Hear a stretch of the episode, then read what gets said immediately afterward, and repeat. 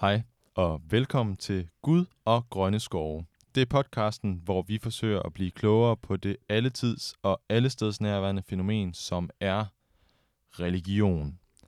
Det gør vi ved i hvert afsnit at behandle et nyt emne inden for verdens mange religioner i håb om at kunne skabe mere forståelse på tværs af befolkningsgrupper og fortælle nogle grineren historier.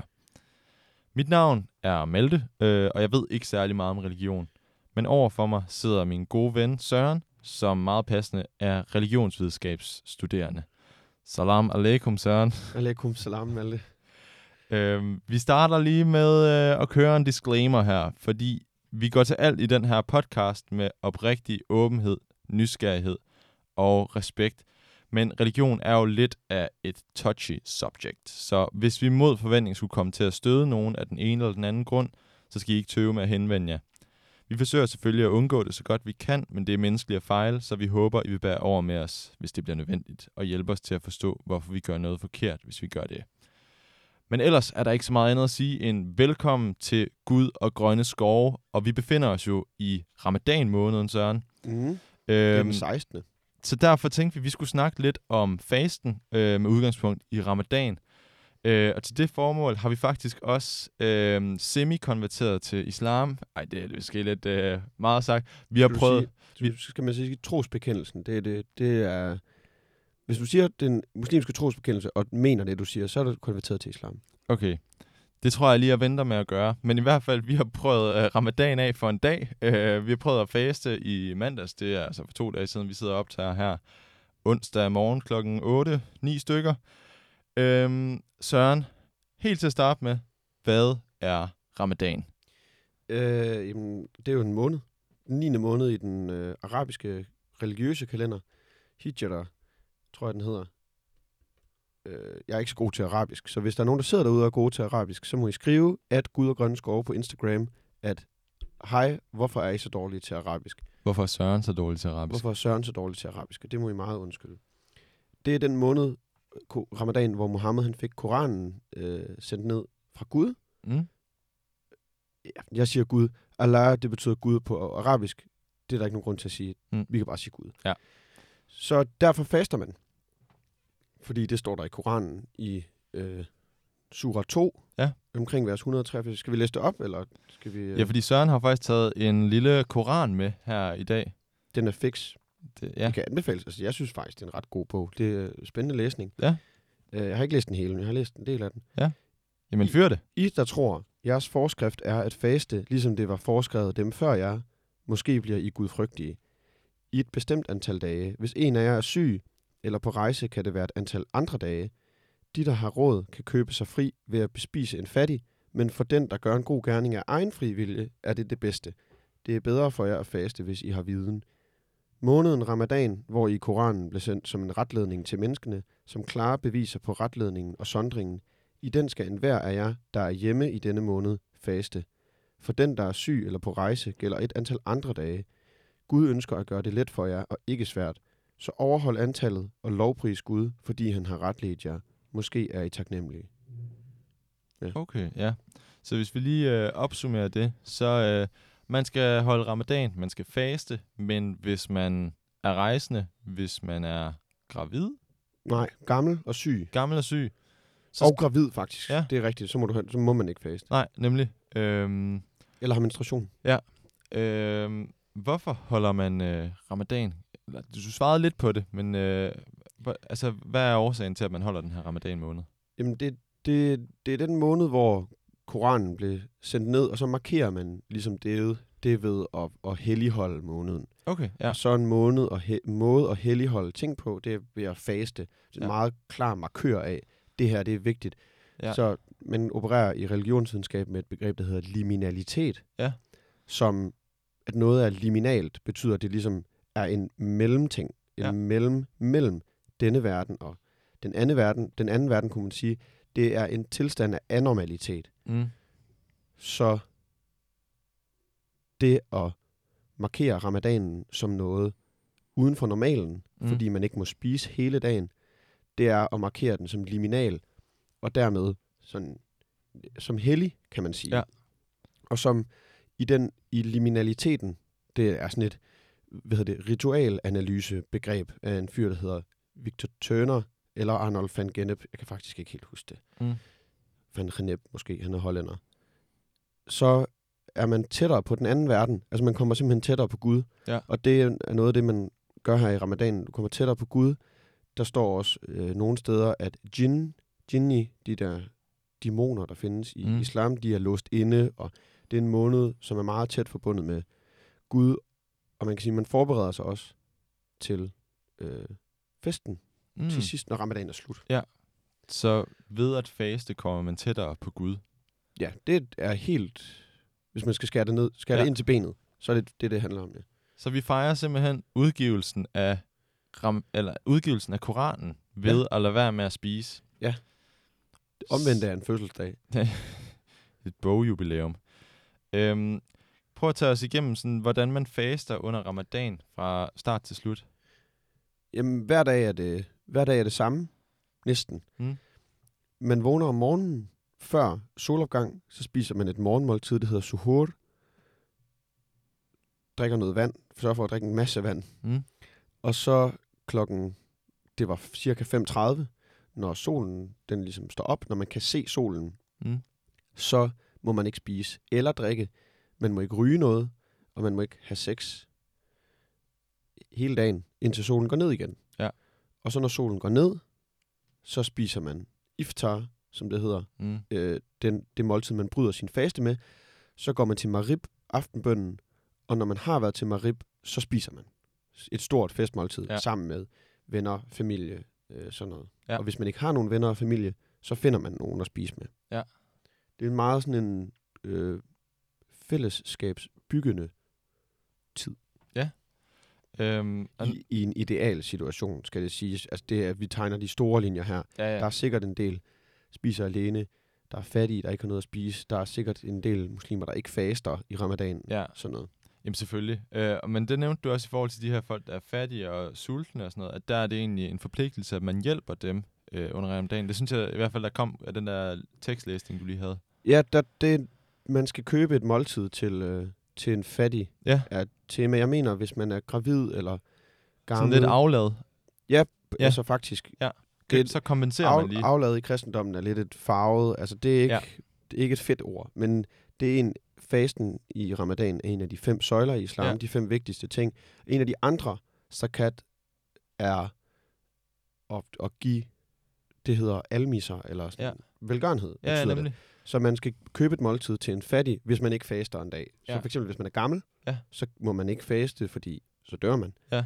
Hvis man er gravid, må man heller ikke faste, fordi det er ikke godt for ens barn. Så køber man lige et måltid til en fattig, for stadigvæk at deltage i ramadanen. Mm, det er sådan lidt øh, ligesom øh, klimakompensation faktisk. Det der med, at hvis du er nødt til at Faktisk synde ved at flyve, så kan du lige donere nogle penge til en regnskov. Det eller er sådan faktisk overhovedet ikke en dårlig sammenligning. noget. Nej, nemlig. Øhm, øhm, er fasten, er det noget, der går igen i alle religioner? Nu har vi ligesom taget udgangspunkt i islam i det her afsnit. Det tror jeg, jeg vil sige. Ja. Nu, faktisk, det havde jeg ikke tænkt, fordi jeg er sådan en lille smule angst for, for at overgeneralisere. Men Ja. det tror jeg måske ikke, man skal være, har jeg, har jeg ligesom fundet ud af, fordi alle de artikler, jeg læste, der stod der, det er universelt. Ja. Så det er måske ikke alle religioner, som hver er en, Mm. men det er mange religioner over hele verden. Ja. Og der stod jo også, at I skal faste som dem før jer, Ja. i vers 183, Ja. som jeg lige læste op. Og det er jøderne, Ja. der tænkes på. Jøderne, de faster lidt, det, det er de lidt uenige om. De første er i hvert fald på sådan en dag, der hedder Yom HaKippurim, Ja. Yom Kippur, jødisk renselsesdagen, tror jeg, den hedder. Ja, men der tænkte jeg på, øh, i forhold til den kristne tradition, vi er vant til herhjemme i Danmark, øh, der er der jo ikke noget faste, selvom vi har en, øh, ikke en årstid, en, hvad siger man, en Hellig, hellig, hellig, hellig dag, der hedder ja, faste lavn, øh, som jo egentlig altså faste lavn. Øh, har man fastet under øh, faste lavn? Jamen, fastelavnen var sådan en højtid, der markerede overgangen til fasten. Ja. Så det kommer fra øh, tysk, eller noget tysk, gammelt tysk sprog. Sådan noget nedertysk. Det har heddet et eller andet, Mm. var øh, fastelavn, altså faste aften. Mm. Så det var aften før man fastede, ligesom juleaften er aften før jul. Mm. Fordi det er jo ikke jul juleaften. Det er altså jul den 25. Juleaften er så dagen før. Hellig Tre Kongers aften er dagen aften før Hellig Tre Kongers dag. Fastelavn er dagen før fasten begynder. Ja. Men fastet i 40 dage frem til påske. Passer med, at Ja. fastelavn ligger tirsdag 6 uger før påske. Ja. Og så der holdt man fest og spist og dræbte nogle katte og måske gjorde nogle træls, andre træls ting med nogle Ja. dyr. Ja. Et eller andet. Spist fede boller. Og, Ja, jamen, øh, fordi det er sjovt, fordi i dag markerer vi jo øh, faste lavnen med bare at sp- spise os med i øh, faste lavnsboller til 75 kroner stykket eller sådan noget. Altså, det er jo øh, totalt omvendt i dag. Meget, men, eller faktisk ikke. Nej, det er jo rigtigt, Fordi hvis det det, det- det markerer gjorde. overgangen til faste. Vi gør det bare uden så fastebag. Ja. vi tager lige the best of both worlds. ja, lige præcis. Er ret, det, det var noget, man afskaffede med reformationen Ja. ja. i 1536. Ja. Men man kan jo sige, at islam er en religion, hvor faste stadig fylder meget. Rigtig, Øhm, rigtig meget. Hvad er det, der kendetegner de religioner, hvor fasten fylder meget? Nu talte vi jo lidt om, at, at det i virkeligheden findes i næsten alle religioner. Ja. Men i de religioner, hvor fasten indgår, der indgår den ofte som det her liminale element, som en markering af, nu sker der noget med den anden verden. Vi har det op til, eller som sådan et forberedende element. For eksempel, så i islam kan man argumentere for, at fasten, saum hedder det på arabisk, fasten i ramadan forbereder på Eid ul-Fitr, som er den kæmpestore fest, som folk måske har hørt om, der ligger lige efter ramadanen, mm. i begyndelsen af næste måned, som jeg ikke kan huske, hvad hedder. Og i en indført amerikan, oprindelig amerikansk religion hos Lakota-indianerne i Midtvesten, de har den her store ånd, der hedder Wakantanka, som man måske lidt kan beskrive som Gud. Wakantanka. Wakantanka, ja. Jeg er ret sikker på, at jeg siger det rigtigt. Ja. Det gør jeg nok ikke. Der fastede man, så er der i nogle dele af den her øh, Lakota-stamme, så fastede man i fire dage, Mm. tog man ud på nogle bjerge og fastede i fire dage, så man ligesom forberedte sig på at møde Wakantanka. Mm. Øh, så, så havde man en, jamen et møde med den her store verdensånd ude i, i vildnisset, Ja. kan man ligesom sige. Okay, ja. Nu rørte vi nogle forskellige religioner, men øh, kan vi vende tilbage til sådan, hvad er det, der sådan er fællesnævneren for de religioner, hvor man, hvor man, hvor man faster meget? Det er, no- det er nok en orientering mod den anden verden. Mod den anden verden, og når du siger det, mener du så det, der sker, når man er død, eller, eller den øh, guddommelighed, der er omkring en lige nu, eller... øh, Det er jo det er så meget forskelligt fra religion til religion. Ja. For, øh, for øh, Lakota-stammen, nu siger jeg indianer, det Ja. er simpelthen nemmest. Ja. Det hedder jo egentlig oprindelige amerikanske folk, Mm. eller First Nations eller sådan noget. Men på dansk, der er der ikke, jeg synes ikke, der er nogen gode ord for det. Mm. Så vi siger indianer. Ja. Sorry. Øhm, for Lakota-indianerne, der handler det om øh, at komme mere i kontakt med den guddommelighed, der er omkring en. Så for eksempel Wakantanka er i mange ting, og spiritualiteten fungerer anderledes der. Man skal passe på med at romantisere det enormt meget med at sige sådan, åh, indianerne, de elsker bare naturen, og Mm. de er så, øh, de er så in touch with nature. Det er ikke helt, altså ja, men også nej, Ja. fordi de er jo ikke dumme. De ligesom altså, alle andre mennesker, så den der romantisering, der sådan lidt er opstået, det, det, det kan vi godt smide ud af vinduet. Pocahontas. Pocahontas for eksempel. Mm. Øhm, så, men det, der handler det om at komme i, komme i kontakt med en spiritualitet, der er hernede i forvejen. Og for muslimerne, og for de kristne også, når vi har fastet, så har det handlet mere om at orientere sig mod den anden verden, forstået på den, altså som er helt adskilt fra vores verden. Ja. Så for, for os, siger jeg bare os, der er Gud, han bor, skal man sige, oppe i himlen, Mm. som er et fuldstændig andet sted end for eksempel ude op på bjerget. Ja. Fordi hvis du skal møde Wakantanka, så går du bare ud i skoven, eller op på, eller bare, Ja. der er nok et lidt mere helligt stykke skov, eller lidt mere helligt bjerg. Mm. Men så går man derud, men det, du kan ikke møde Gud, eller, eller ja, Gud, i hverken i islam, eller i kristendommen, eller mm. for buddhister faster også enormt meget, og jainisterne, også Mm. i, i en anden religion i Indien, de har så ikke nogen guder, men der handler det mere om, at du faster for at komme væk fra denne verden. Mm. Ja, okay. Øhm, altså, fasten... Jeg ved ikke, om du synes, det var svar på spørgsmålet. Nej, men jeg synes det var meget fint, og det fik mig til at tænke på det her med, at altså askese er jo sådan unægteligt et, et stor del af, at faste, og egentlig også, det har meget at gøre med det, vi snakkede om i, i forrige afsnit, øh, om offring og det her, øh, man offrer jo på en eller anden måde også sin, øh, sin tid og sin sult og sådan noget i den her, Mhm. i, i den her faste proces.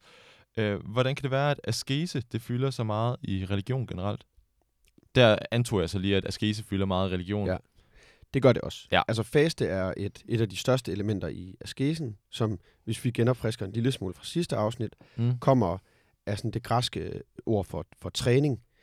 Så i det gamle Grækenland var det oprindeligt noget i militæret, men så sivede det ligesom over i noget øh, teori, man kan godt måske sige filosofi, religionsfilosofi hos tænkere, græske tænkere, den mest berømte er nok Platon, Mm.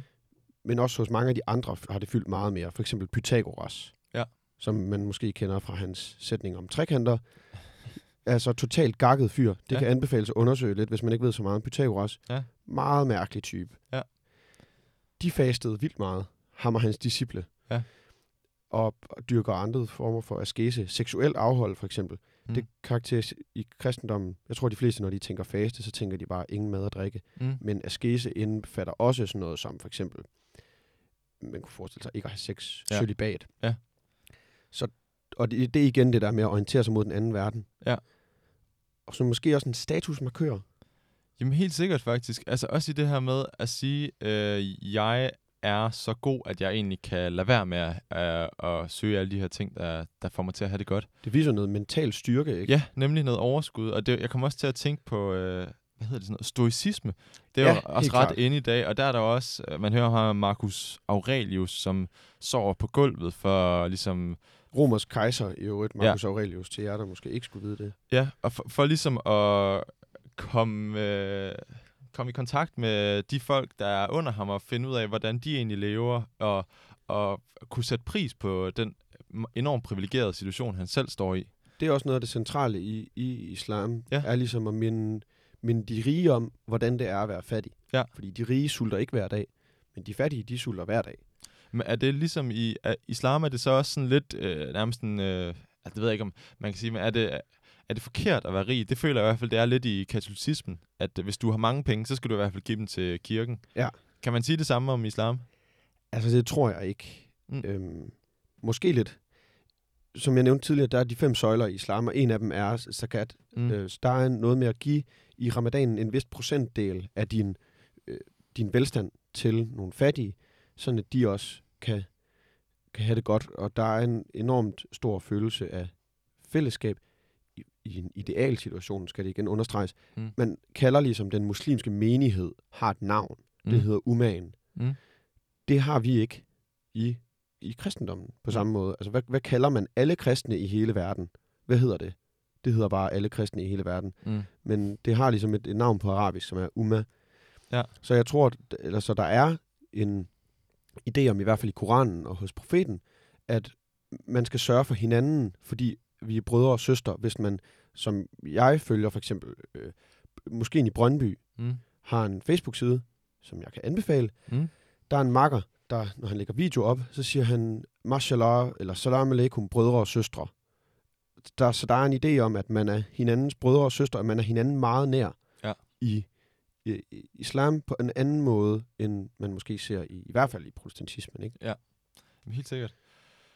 Øhm, det er også øh, det er jo hårdt at faste. Øhm, og nu snakker vi om, at for eksempel de sultne og fattige, de behøvede ikke at faste. De kunne, der skulle... Øh, Jo, det skal de også. skal de det? Ja. Var det de ikke? syge, Det er de syge, ja. Ja. Øh, men de kunne så få... Øh, dem kan man købe noget mad til, og det gør Mm. også, at man er et bedre menneske selv. Hvilket er en øh, smuk tanke. Øh, men øh, sådan, hvordan, øh, hvordan har sådan en tradition overlevet? Eller hvordan, øh, hvordan kan folk blive ved med at synes, at det er fedt at faste? Og hvordan overlever man egentlig faste? Til det sidste først. Ja, sorry. så, så man, hvordan man overlever en faste, det tror jeg simpelthen grundtanken er, at man skal tage sig sammen. yes. Det er meget, vi nævnte lige det der med, at- øh, du sagde, det, det vi udviser et overskud. Mm. Så det overskud skal man ligesom, det skal man bare have. Så ja. jeg tror, at man skal simpelthen bare gøre det. Der er ikke så meget andet. Det er ren viljestyrke, ikke at spise jo. Diskussion om fri vilje, den er helt til side. Men man, lader være med bare, man skal bare lade være med at faste. Og så hvordan traditionen er overlevet, det tror jeg er et godt spørgsmål. Det er meget, altså hvis man, for mig at se, så er det her fasten, er måske det ultimative bevis på, hvor magtfuld en institution, religion er. Altså hvor magtfuld et, et Mm. kulturelt fænomen det er. Fordi der ikke, altså, come on, få folk til at slå hinanden ihjel, det er sådan det nemmeste i verden. Det kan man. Og, jo, jo, jo. Der er krig til alle tider, alle steder. Religion kan måske godt være en katalysator for en krig, Mm. men hvis man ser på for eksempel krigen i Irak, Mm. den er ikke religiøst motiveret. Det er ren penge. Mm. Altså Mm. nu er den så halvslut. Men USA gik jo ind for olie. Mm. Så der er mange andre ting, der sagtens kan motivere til krig. Ja. Men udover øh, helt nyt, moderne sundhed, også noget med sultestrækker, Ja. så faster folk altså ikke bare for sjov. Mm. De faster for altså af religiøse årsager i langt de fleste tilfælde. Ja. Så det, at man kan få folk, det at man kan overbevise folk om, at det er en god idé at have det træls Mm. selv. Du har det ikke selv træls, når du slår andre mennesker. Altså måske får man PTSD. Ja. Men det er jo ikke dig selv, det går ud over. Det er andre mennesker, det går ud over, når du går i krig. Ja, altså PTSD går ud over en selv øh, Ja, på, men på sigt. hvis vi nu men, siger, at det har man måske ikke haft lejre, at det havde Ja. man ikke i, Ja. i tusindtallet for eksempel. Mm. Syg antagelse. Det leger vi lige, man ikke havde. Så går det ud over andre mennesker, og ikke Ja. dig selv. Men Ja. fasten går meget konkret ud over dig selv. Jamen, det er rigtigt. Altså meget konkret i hvert fald. Øhm, og nu nævner du også det her med, at, øh, at folk er begyndt at faste af sundhedsårsager. Øh, fordi ja. at man har fundet ud af, at øh, det skulle godt lige at få renset sin mave en gang imellem. Jeg, og, jeg ved ikke, om vi nogensinde kom ind på, hvorfor fasten har overlevet så længe. Jeg tror simpelthen Nej. bare, fordi det er en central del af religion. Ja. Og det er sådan nogle sociale strukturer, Ja, der bliver ved ligesom at vedligeholde sig selv af en eller anden grund. Ja, vi kan lige vende tilbage til det der med moderne øh, fasten senere, fordi at i forhold til det, du siger der, øhm, nu prøvede vi jo selv at faste, øhm, og jeg synes egentlig, det var, øh, det var selvfølgelig hårdt, at jeg gik og var sulten i løbet af dagen, men der, hvor jeg, øh, altså i slutningen af dagen, vi måtte jo spise igen omkring nitiden, det, skulle være et ordentligt godt måltid, når man har gået hele dagen uden mad. Og det der med bare at stå og sådan, øh, tøffe lidt rundt i køkkenet i en to timer og, og chill lidt med det, kunne forestille mig, hvis jeg var sammen med en masse af mine gode venner omkring det, eller noget familie eller sådan noget. Det vil være så hyggeligt, altså. Ja. Øhm, Der er også, altså det, det laver jo en eller anden form for fællesskab, mm, når du går rundt. Det er så ikke så meget i Aarhus, men hvis man går rundt nede i, jeg har været i Malaysia, mm, i Kuala Lumpur under øh, ramadanen for tre år siden, tror jeg.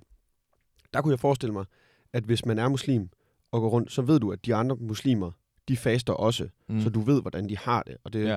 styrker ligesom den fællesskabsfølelse, der er. Ja, det er ligesom noget, man går igennem sammen. Vi, mm. Vi er sammen i det her. Hvordan var din øh, oplevelse af at holde ramadan? Jeg kan lige sige til at starte med, at vi har holdt lidt forskellige ramadaner. Søren, han øh, gik lidt mere hardcore til værk, så han... Øh, øh, det kan du også selv fortælle om, men du, du, du drak ikke vand i løbet af dagen. Det gjorde jeg. Det var det, der adskilte os. Øh, hvordan var din oplevelse af at holde ramadan for en dag? Altså, det var lidt hård. Jeg havde også gjort det meget ikke særlig muslimske at være på stadion. Både at spise stadionplatte og drikke fadøl og snaps dagen inden. Ja. Så det var lidt hårdt. Øhm, og så stod jeg jo op klokken 4, Ja, også fordi jeg ikke kunne sove mere. Og så, øh, så, så gik jeg op og drak halvanden liter vand og spiste morgenmad. mm. Og så blev klokken, jeg tror klokken ved halv syv eller sådan noget. Jeg sad og stenede op i min sofa, og så gik jeg i seng igen. Mm. Altså, jeg stoppede med at spise klokken halv seks Mm. og drikke. Og så gik jeg i seng, og så stod jeg op og havde det sygt mærkeligt inde i mit hoved til Mm. mm. min undervisning. Kunne ikke rigtig skrive noter ned eller fokusere ordentligt. Mm. Og så tror jeg, om en gang ud på eftermiddagen, så stoppede jeg med at være sulten.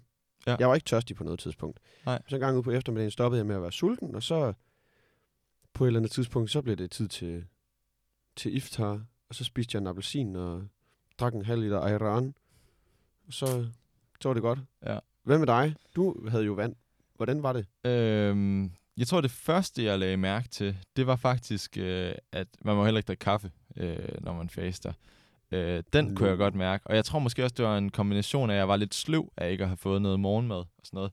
Men i hvert fald, altså, jeg synes, det var fedt at se verden med nogle øh, lidt andre briller. Det der med at gå rent faktisk at være sulten, fordi at Altså, jeg går og spiser hele tiden. Jeg er aldrig sulten. Øhm, og det her med at cykle gennem byen, kan jeg huske, på vej ind til min skole, øh, og cykle forbi bageri og, og kiosker og alt sådan noget. Altså, det var lige før, at der var sådan spor af mundvand efter mig, så fordi jeg bare sådan, kæft man, alt virkede bare lækkert. Og sådan plejer det ikke at være. Jeg, jeg plejer at være ret specifik omkring min sult, sådan, så trænger jeg til det her, eller så trænger jeg til det her. Den dag, der var, altså alt kunne gå ned. Øh, og der var mange gange, dengang jeg stod og lavede mad om aftenen, at der var sådan, hvis jeg lige havde, jeg lavede pandekager med fyld, og fik en lille øh, dadel til pre-forret, så øh, fik jeg avocado med tunmus til forret, pandekager med sådan noget stein og fyld, og så fik jeg sukkerpandekager og magnumis til dessert. Det var en ordentlig omgang mad. All in. Ja, så fik jeg også lige en lille dejlig IPA og en uh, liter Mathilde kakaomælk til. Det er så IPA, der haram. Ja, Nå, anyways, det, det, jeg, det jeg kom til, øh, det var, at uh, der, der, var, der, der er de der små rester af pandekager, der nogle gange kommer, når man steger dem. Jeg var hele tiden lige ved at putte dem i munden, ikke fordi at jeg sådan var så sulten, det var bare fordi, det var, sådan, det var mit instinkt, at jeg skulle bare have noget i munden -agtigt. Uh, øh, men jeg kan så også sige, da jeg var igennem det der maraton af en uh, aftensmad, det, det der med, at ens mavesæk var skrumpet helt sammen, fordi der ikke var noget at fordøje, havde, havde været de sidste mange timer. Det var virkelig, virkelig, altså det var et stød i maven, og skulle ligge og fordøje det der. Jeg kunne simpelthen ikke sove, fordi at der var så meget mad, der ligesom bare lige Du skulle... gik virkelig også hårdt til den, må Ja. man sige. Jamen jeg var også, øh, jeg tænkte gains, altså jeg ville ikke have, at det skulle ja. gå ud over gains, det her. Nej, aldrig. Øhm, det fik jeg også at vide. Jeg snakkede med en af mine klassekammerater, som går meget op i fasting, hvor han sagde, at altså, det er det dummeste i verden at bare øh, øh, bryde din faste med et kæmpe måltid. Normalt siger man, at man skal spise noget let, som et par stykker melon eller sådan noget, så maven ligesom lige kan komme i gang igen. Det gør de også først. Ja, man tager lige en lille dadel eller Man sådan tager noget, tror jeg. en dadel eller en lidt frugt Ja. og noget vand, og så beder man Ja. med rib aftenbønnen, og så spiser man, og så går man amok. Ja. Men det er stadigvæk det der, jeg tror stadigvæk det der med at spise enormt meget, inden man går i seng, som du sagde, din Mm. fordøjelse gjorde, at du næsten ikke kunne sove. Ja. Det er vist relativt godt eftervist videnskabeligt, Ja, nemlig. Det er sådan, det foregår. Jeg tror også, man siger et eller andet med, at det du spiser efter klokken 6, det sætter sig på sidebenet. Det, der er en eller anden saying, hvor at, øh, det rimer, tror jeg. Ja. Øh, man skal sørge for at spise aftensmad, og så skal man lade være med at spise bagefter. Det er det sundeste, hvis du skal sove godt. Ja. Øhm, det leder os meget øh, fint over til moderne fasten, fordi at det er jo ret ind med sådan noget intermittent fasting og øh, ja, fasten og generelt, fordi at 5-2-kuren. Ja, man har fundet ud af, at det faktisk kan være ret sundt. Øh, det skal selvfølgelig gøres på en ordentlig måde, og der er også noget med, hvis du faster i for lang tid og ikke får vitaminer ind, så er det ikke særlig godt. Og det skal lige siges, at vi er overhovedet ikke helbredseksperter, så lad være med at tage det her for gode ord. Øhm, Ja, lav, lav jeres eget research. ja, gør det. Øh, jeg har sat mig sådan lidt ind i grove træk af fasten, sådan det sundhedsmæssige perspektiv. Og det, der kan ske, er, at når, du, når der er gået, jeg tror, det er 8 timer efter, du har spist de sidste måltid, så begynder din krop at gå ind i det, der hedder ketose, hvor i stedet for at, og det her det er meget simplificeret, at forbrænde det sukker, du har i mavesækken, så forbrænder den det fedt, der sidder på din krop. Øh, og det kan jo være meget godt, for eksempel hvis man har for meget fedt på kroppen, men det er også en ret effekt, eller sådan en ret øh, stabil forbrænding, så man har et ret stabilt øh, energiniveau, i stedet for sådan et, hvad kan man sige, en mere svingende et, som hvis man har højt blodsukker eller lavt blodsukker for eksempel. Øhm, så det kan være, det kan være fedt, man kan, man kan få en mere stabil energi af faste for eksempel. Øhm, hvor vil jeg hen med det? Det ved jeg ikke. Der er i hvert fald mange, der gør det. Ja. Og, øhm, noget andet, der også er begyndt at Men være... man skal huske at drikke vand. man skal huske altså, at det drikke gør vand. man ikke i, i muslimsk faste. Det tror jeg, det er der ikke nogen, der vil sige er sundt. Nej, nej den, øh, den må de lidt længere ud på landet med. øhm, men altså, det, der er jo også begyndt at være sådan nogle øh, dopamin-detoxes, der begynder at komme ind. Og det var. Ja. et nyt begreb for dig, da vi snakkede om det tidligere. Så.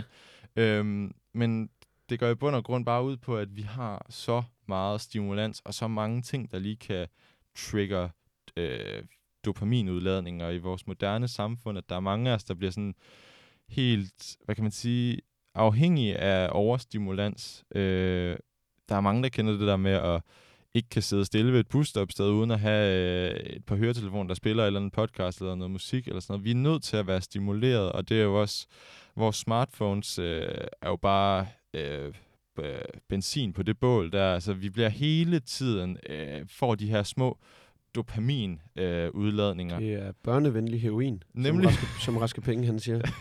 Det er faktisk ret godt sagt, der er raske penge. Han er fucking genial. Men det man så, der er nogen, der er begyndt at gøre, det er, at man kan sige, så øh, faster vi, øh, laver en dopaminfaste, øh, og så dropper telefonen for en dag, og dropper kaffe, eller, eller der er mange forskellige måder at gøre det på. Men bare for at sætte tingene i perspektiv, kan man sige, og få nulstedet kroppen, øh, hvilket jo er enormt sundt i sådan et samfund, som vi lever i i dag. Så øh, det tror jeg kan anbefales. Man kan sige, det er, det er jo sjovt, hvis man lige skal... Nu, for, nu foregriber jeg for lige at bryde den fjerde mur, så har vi jo nogle spørgsmål på forhånd, som Malte han har lavet, og som jeg så har siddet og forberedt. Men sammenligningen mellem religiøs og sekulær faste, nu fik jeg bare en tanke, at det er jo faktisk lidt sjovt, det er meget det omvendte. Mm. Fordi i den religiøse faste, som vi talte om, handler det ligesom om at orientere sig mod den anden verden, og Ja. der er en del øh, muslimske, hvad kan man sige, eksperter, teologer, som har udtalt sig omkring øh, fasten. De vigtige muslimske teologer har, er døde for lang, lang, lang, lang, lang, lang tid siden. Mm. Men det handler jo om at undertrykke kroppen, og handler om at vende fokus fra kroppen mod Gud, Ja. øh, mod nogle engle, øh, Mm. sådan nogle ting. Men hvor det i moderne fa- faste handler det om at få endnu mere fokus på kroppen, Ja. kan man måske sige. Det er sådan lidt sjovt, fordi Ja, det, det er, er faktisk præcis det rigtigt. samme, man gør, men bare med et fuldstændig omvendt fortegn. Men det synes jeg også er ret sådan symptomatisk generelt på den tid, man ligesom har haft for 100 år, eller for flere hundrede år siden, og så i dag, hvor vi ja. bare fokuserer enormt meget på os selv. Øhm, Meget. det kunne være, at vi skulle fokusere lidt mere på Allah. Eller ja, noget I hvert fald andet. på hinanden. Jamen altså, det, det, øh, nu øh, snakker vi lige om endnu en ting, som vi snakkede om før vi trykkede optag faktisk. Ja. Men du nævnte noget med øh, øh, sammenhængen mellem religion og depression. Øh, kan Ja. du lige riste det op? Det synes jeg var ret interessant. Nå ja, Ja, jeg skulle lige øh, Ja, ja, ja, finde ja, tråden helt igen. ja. Du snakkede jo også om religion og selvskade som ritual sidste gang. Ja, der var en af mine medstudenter, der har skrevet en bacheloropgave om det, som Ja. faktisk også var ret spændende. Det tager vi en anden gang. Ja. Men det med religion og depression, man har data, der viser, at religiøse, religiøse mennesker er mindre deprimerede, altså som i, de bliver sjældnere deprimerede, og de bliver deprimeret i kortere tid, Mm. end ikke troende eller ikke religiøse. Jeg tror ikke, det handler om tro. Så Mm. er der også noget i forhold til stress. Det er der også mindre af. mm. Men det er lidt svært at afdække, hvad det er. Mm. Mm. Religion er mange ting. Det er mm. en bred facet af fænomener. En af dem er at tro på Gud. En anden, og tror jeg, mere vigtig, det er det, at man indgår i et fællesskab. Mm. Det muslimske fællesskab hedder Umma. Jeg kan ikke huske, om det var faktisk før eller efter vi trykkede optag, jeg nævnte det. Men det, Mm. det muslimske fællesskab, Umma, er ligesom betegnelsen for alle muslimer i hele verden. Mm. Og, og i kristendommen, det tætteste vi måske har på, det er menigheden. Mm. Og der er den, den store kristne menighed, det er der også den store Umma og den lille Umma. Mm. Øhm, men den, den lille kristne menighed er det, det nære, mm. altså. Dem man går i kirke med. Ja. Det fylder ikke så meget i Danmark, Mm. fordi vi går ikke så meget i kirke. Mm. Fylder enormt meget i USA. Mm. Religion fylder også mere i USA, end Mm. det gør i Danmark i virkeligheden.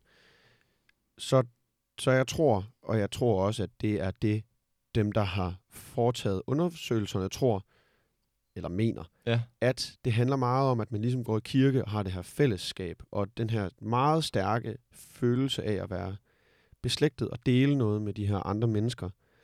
Og det tænker du gør, at øh, der er mindre sandsynlighed for, at man får depression? Og, Altså jeg tror, det er det, der er ja. årsagen. Ja, det, Ja. ja. Det er helt, man kan i hvert fald konstatere, at det er tilfældet, ja. Ja. at de er mindre, og så er noget, og, altså totalt freaky. Ja.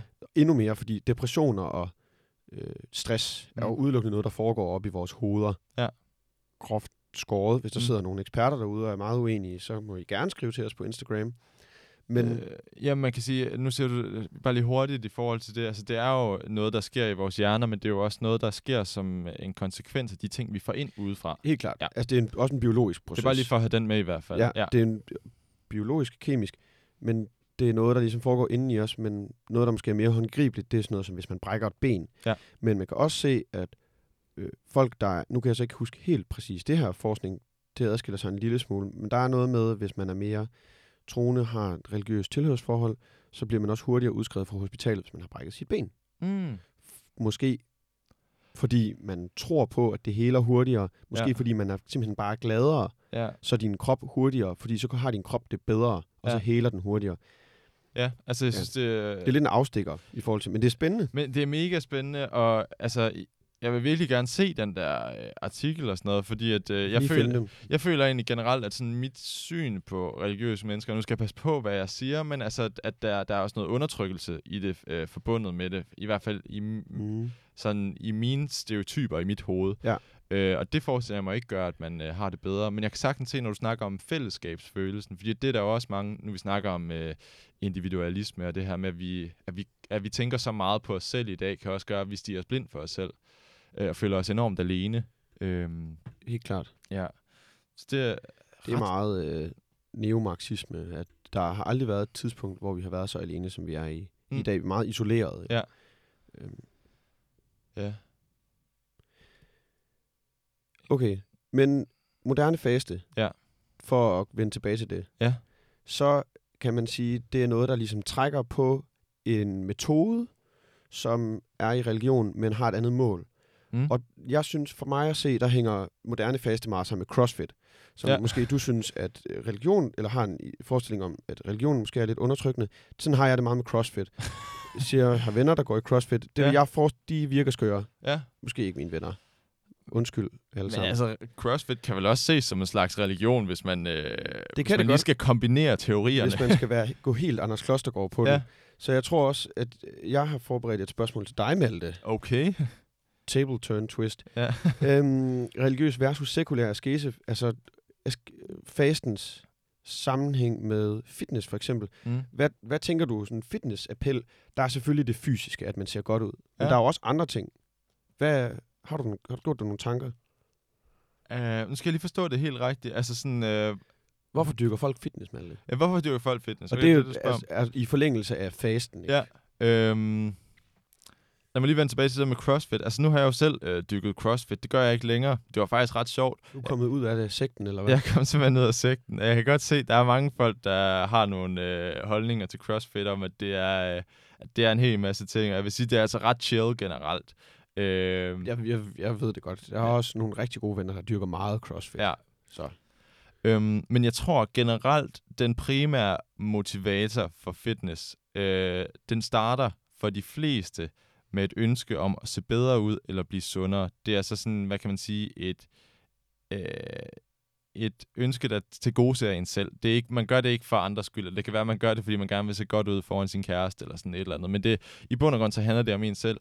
Og så tror jeg, for de folk, der virkelig bliver optaget af det, at der kommer det til lige pludselig at handle om noget andet. Man bliver en del af et fællesskab, og om og sådan, hey, vi er den, den her elitære gruppe mennesker, som kan løfte de her ting, som ingen andre kan løfte. Og når man ligesom kommer ind i det, og virkelig sådan dedikerer sit liv til det, hvis man kan sige det sådan, og bliver øh, fitness-influencer øh, eller sådan noget, så tror jeg, det kommer til at handle om noget andet. Der kan man godt begynde at sammenligne det med noget religion, men ligesom den umiddelbare, når man kommer ind i det fra starten af, der tror jeg bare, at det er som så meget andet i, i nutidens verden, at det handler om en selv. Der er også, altså, er der ikke meget crossfit, hvor man ligesom skal være sammen om at lave øvelserne? Jo, det er jo faktisk, man, altså det meget CrossFit fungerer sådan, at man har det, der hedder en WOD, som er en Workout, Workout of the Day. Nemlig, altså hvor man jo har sådan holdøvelser. Ja. Øh, det var faktisk den måde, jeg ligesom kom i gang med sådan at styrketræne. Det var gennem sådan nogle øh, Workout of the Days. Øh, og det var sådan lidt nemmere at tilgå, i stedet for at være sådan en noob, der kommer ind i et træningscenter, hvor man render rundt helt alene og ikke rigtig ved, om man tør øh, gå over og tage den her maskine eller sådan et eller andet. Øhm, nu lyder det som om, at jeg går sindssygt meget op i at pumpe jern. Og det gør han også. Malte, han er en tank. Han er to meter over skuldrene, og han kan løfte to geder. Ja, og til de lyttere, som der kender mig, de ved så godt, at jeg er nok bare en helt almindelig slangfyr. Jeg synes, det er sjovt, men det er ikke, øh, det er ikke øh, alt opslugende for mig. Øh. Og fitnesscenter er faktisk også lukket lige nu, så det er ikke noget, man kan gøre så meget ved. Men den 6. maj, der begynder The Bulk, og øh, det kan I følge med i på Gud og Grønne Skovs Insta... Ej. Ja. Øhm, jeg synes, Søren, vi har været øh, ret godt omkring øh, i det her øh, faste emne. Har du nogle bemærkninger, du synes vi, eller nogle pointer, du synes, der vil være federe at have med her til sidst? Det tror jeg faktisk ikke. Altså, Nej. jeg synes, jeg synes simpelthen også, vi har gjort det godt. Jeg kigger lige hurtigt i mine noter. Ja, Nej. Det tror jeg ikke. Altså, der er jo nogle teorier. Vi kan lige kort vende, hvorfor man faster, altså Ja. helt generelt. helt sikkert. Hvorfor er faste opstået i første omgang. Det er jo faste har eksisteret, fænomenet faste, siden før skriftkultur, så derfor ved vi det ikke. Mm. Men der er nogen, der har nogle teorier, som man kan se ud i sådan nogle oprindelige folk i Polynesien for eksempel, har Mm. man, og i Indonesien, Mm. har man kunne foretage enormt meget forskning på stammefolk, som man har en eller anden teori om. De lever mere, som vi i Europa gjorde for 10.000 år siden, Mm. fordi vi ligesom har det her højt specialiserede samfund, hvor og en meget mærkelig religion, de har, de har stadigvæk det, man kunne kalde naturreligioner. Det er Så- faktisk et ret hot take for de der forskere side bare at sige sådan, de er nok lidt ligesom vi var for 10.000 år siden. Ja, så antropologiens Ja. antagelse er, Ja. og antropologien er et relativt woke forskningsfelt, Ja. men den klassiske antropologi i 1900-tallets Mm. forskning, eller hvad hedder det, antagelse er, Ja. at deres religi- samfund har ændret sig mindre, end vores har. Ja. Derfor tror man, at det er måske, whatever. Det, Mm. det forstår man. Klart. Ja. Hvorfor? Man kan se her, at det er meget forbundet med for eksempel at sørge. Når nogen er døde, så faster man. Ah. Så ligesom får sådan en markør af, ja. at måske øh, det med at vise, at når man i respekt for den døde, så der var noget med at, at, at, ligesom at sige nej til mad, fordi den døde ikke kan spise, og så kan den døde spise det mad, man så ikke spiser. Ja. Øhm, det, det er en teori, og så en anden teori, vi tager kun lige øh, to her. Ej, vi tager lige tre, men den ene har vi været inde på, så det er to og en halv. Den anden teori, Ja, det jeg er, har at også lige en tilføjelse bagefter, Okay. faktisk. Ja. Det Eller er jeg ved ikke, jeg tager den lige nu, fordi det relaterer sig til det der med, ja. Ja. når en person er død. Jeg kan ikke huske, om jeg nævnte det i sidste afsnit, det tror jeg ikke, men øh, jeg havde en, øh, en, en folkeskoleven, som jeg tit var hjemme med, hvor at hans familie var buddhister. mm, Øh, og der var det sådan noget med, at øh, på de dage, hvor deres familiemedlemmer ligesom var, var døde, der måtte de ikke spise kød, fordi at det kunne være, at... Øh, jeg tror, det var fordi, at øh, ah, personen kunne have været genfødt som Ja. det her stykke kød, som de så... Og de ville ikke spise deres bedstefar, for eksempel. det er fandme spændende. ja, så det var så lidt... det var øh, sådan, hvis nu for eksempel, øh, nu er det den 28. april, da jeg Hassan han døde i morgen, så ja. hvis man nu, Ja, ja, nemlig, i hvis morgen man for et år siden, Ja. så den 29. april hvert år, der spiser man ikke kød. Ja, fordi at man vil ikke spise jajer. Okay, spændende. Ja. Jamen, den, det gør jeg også fra nu af så. Ja. Nå, en anden teori, det er, at øh, faste kan give hallucinationer. Mm. Så vi nævnte Lakota-indianerne. Ja. Det der fire dage, så møder du Wakantanka. Mm. Det, der er meget efterprøvet og rigtigt, det er, at hvis man faster, så kan man, har man, kan man sige, lettere adgang til at hallucinere. Mm. Det er nok, fordi ens hjerne ikke virker, som den i gåseøjne burde. Mm. Men det er også en, en teori, at man ligesom har foretaget det her faste for at, øh, for at, kunne, for at kunne hallucinere nemmere. Ja. Og den tredje teori, som relaterer sig lidt til nummer to her, som vi også har talt om, det er som sådan et forberedende ritual. Så for eksempel et meget klassisk i jødedommen, og i sådan en, den meget spiritistiske, mystiske hedder det, jødedom, Mm. at man faster i en periode, og så forsøger man ligesom at påkalde Gud for eksempel. Så, man, så møder man Gud, stiger ned gennem øh, himlens porte, og så møder man nogle engle og sådan noget. Der Ja. ja. er fasten en fast bestanddel i det forberedende til det. Det kunne man så tænke, det er fordi, der sker nogle ting op i ens hoved, hvor Ja. ja. man mangler noget Ja. glukose i hjernen. Helt sikkert. Det er sådan lidt et drug. Meget drug, Ja. bare depri- drug of deprivation. Ah, det, det kunne godt være et bandnavn, det der. The Det Drug of. Deprivation. Jeg har, også, altså, jeg har nogle venner, i, der har været i værnepligten for eksempel, Ja. som øh, øh, beskriver det, når man ligger på patrulje eller på, hvad det end hedder, ude i skoven, og ikke har sovet i lang tid, som at se Star Wars. Ja. Altså, de begynder simpelthen at hallucinere. Der var en, en af mine kammerater, var på, derude på vagt med en eller anden. Ja. Jeg kan ikke huske, hvad ham her han hedder. Vi kalder ham Jens, Ja. ham der er den fremmede. Ja. Og så siger han, kalder han ligesom over radioen, øh, der kommer fire bataljoner direkte øh, fra nord-sydlig retning. Altså fordi han ligesom så en eller anden bataljon ude i skoven. Ja. Fordi han var totalt ødelagt. Ja, apropos det, jeg følger også en, jeg følger en løber på Instagram, der hedder Courtney Dowalter, tror jeg, man udtaler det. mm. Og Hun er sådan en uh, ultra-løber, hvor de løber jo mange hundrede kilometer og sådan Ja. noget. Og hun snakker også om alle mulige sindssyge hallucinationer, hun har på de der mega lange ture, hvor man bare går i sådan et eller andet, øh, altså sådan hypnose-mode, hvor man, ens ben de bevæger sig, uden man rent faktisk ved det, og man er lidt... Totalt crazy. Ja, det er så sindssygt sådan Så noget. det er også det faste kan. Ja. Hvis man er hardcore om det, så kan man begynde at se ting. Ja. Skal vi ikke øh, slutte den her, Habibi? Jo, det tror jeg. det var mig, der prøvede at være lidt... Øh, Lidt hip. lidt hip. Hip to the hop. Øhm, kan du ikke øh, sige en eller anden øh, fed øh, islamhilsen her som slutning? Jeg kan ikke tale arabisk. Nej. Øhm, Jamen, det, det ved jeg faktisk heller ikke. Jeg kan Nej. ikke så meget øh, arabisk. Vi kan, vi kan slutte med at sige, at man skal huske at respektere hinanden, som der står i Sura øh, al, øh, al-Kafirun. Ja, Det er vigtigt. det er det sgu. Også særligt i den her tid. Øhm, så, øh, og så til dig, kære lytter. Øh, vi har jo fået en Instagram nu. Ja, tak. Så I må meget gerne følge med på, hvad hedder Gud og Grønskov bare. Ude og grønne skove, ja, med OE i stedet for Ø. Øhm, og noget, vi har snakket om, øh, var, at det kunne være fedt at have sådan et øh, gennemgående indslag i hvert afsnit. Sådan et eller andet. Dagens et eller andet. Eller vi ved faktisk ikke helt, hvad det skal være. Altså et eksempel er jo, og måske også en af kilderne til inspiration, Ja. ja. vanvittige verdenshistorie, er det ikke det, de hedder? Jo. Som har dagens øl. Ja, det er ærgerligt, de har taget den. Ja, Øh, den er ellers fed. vi skal sådan have noget dagens et eller andet. Dagens Øh, citat havde de i Monte Carlo for 8-9 år siden. Ja. Øh, Da de kørte, det var også, det var også sjovt. Øh, I hvert fald, slide into the DM's and the comments. Giv os et forslag på, hvad det kunne være. Det kunne være sygt nice. Det må gerne have noget med religion at gøre, men det må også gerne ikke have noget med religion at gøre. Ja, og vi har også fået en masse fed feedback siden vores første afsnit. Det vil jeg bare gerne lige sige tusind, tusind, tusind tak for. Mega pænt. Ja, det har været virkelig, virkelig nice, og super godt med al den konstruktivitet og sådan noget. Og I må gerne blive ved. Ja. Altså, Helt sikkert.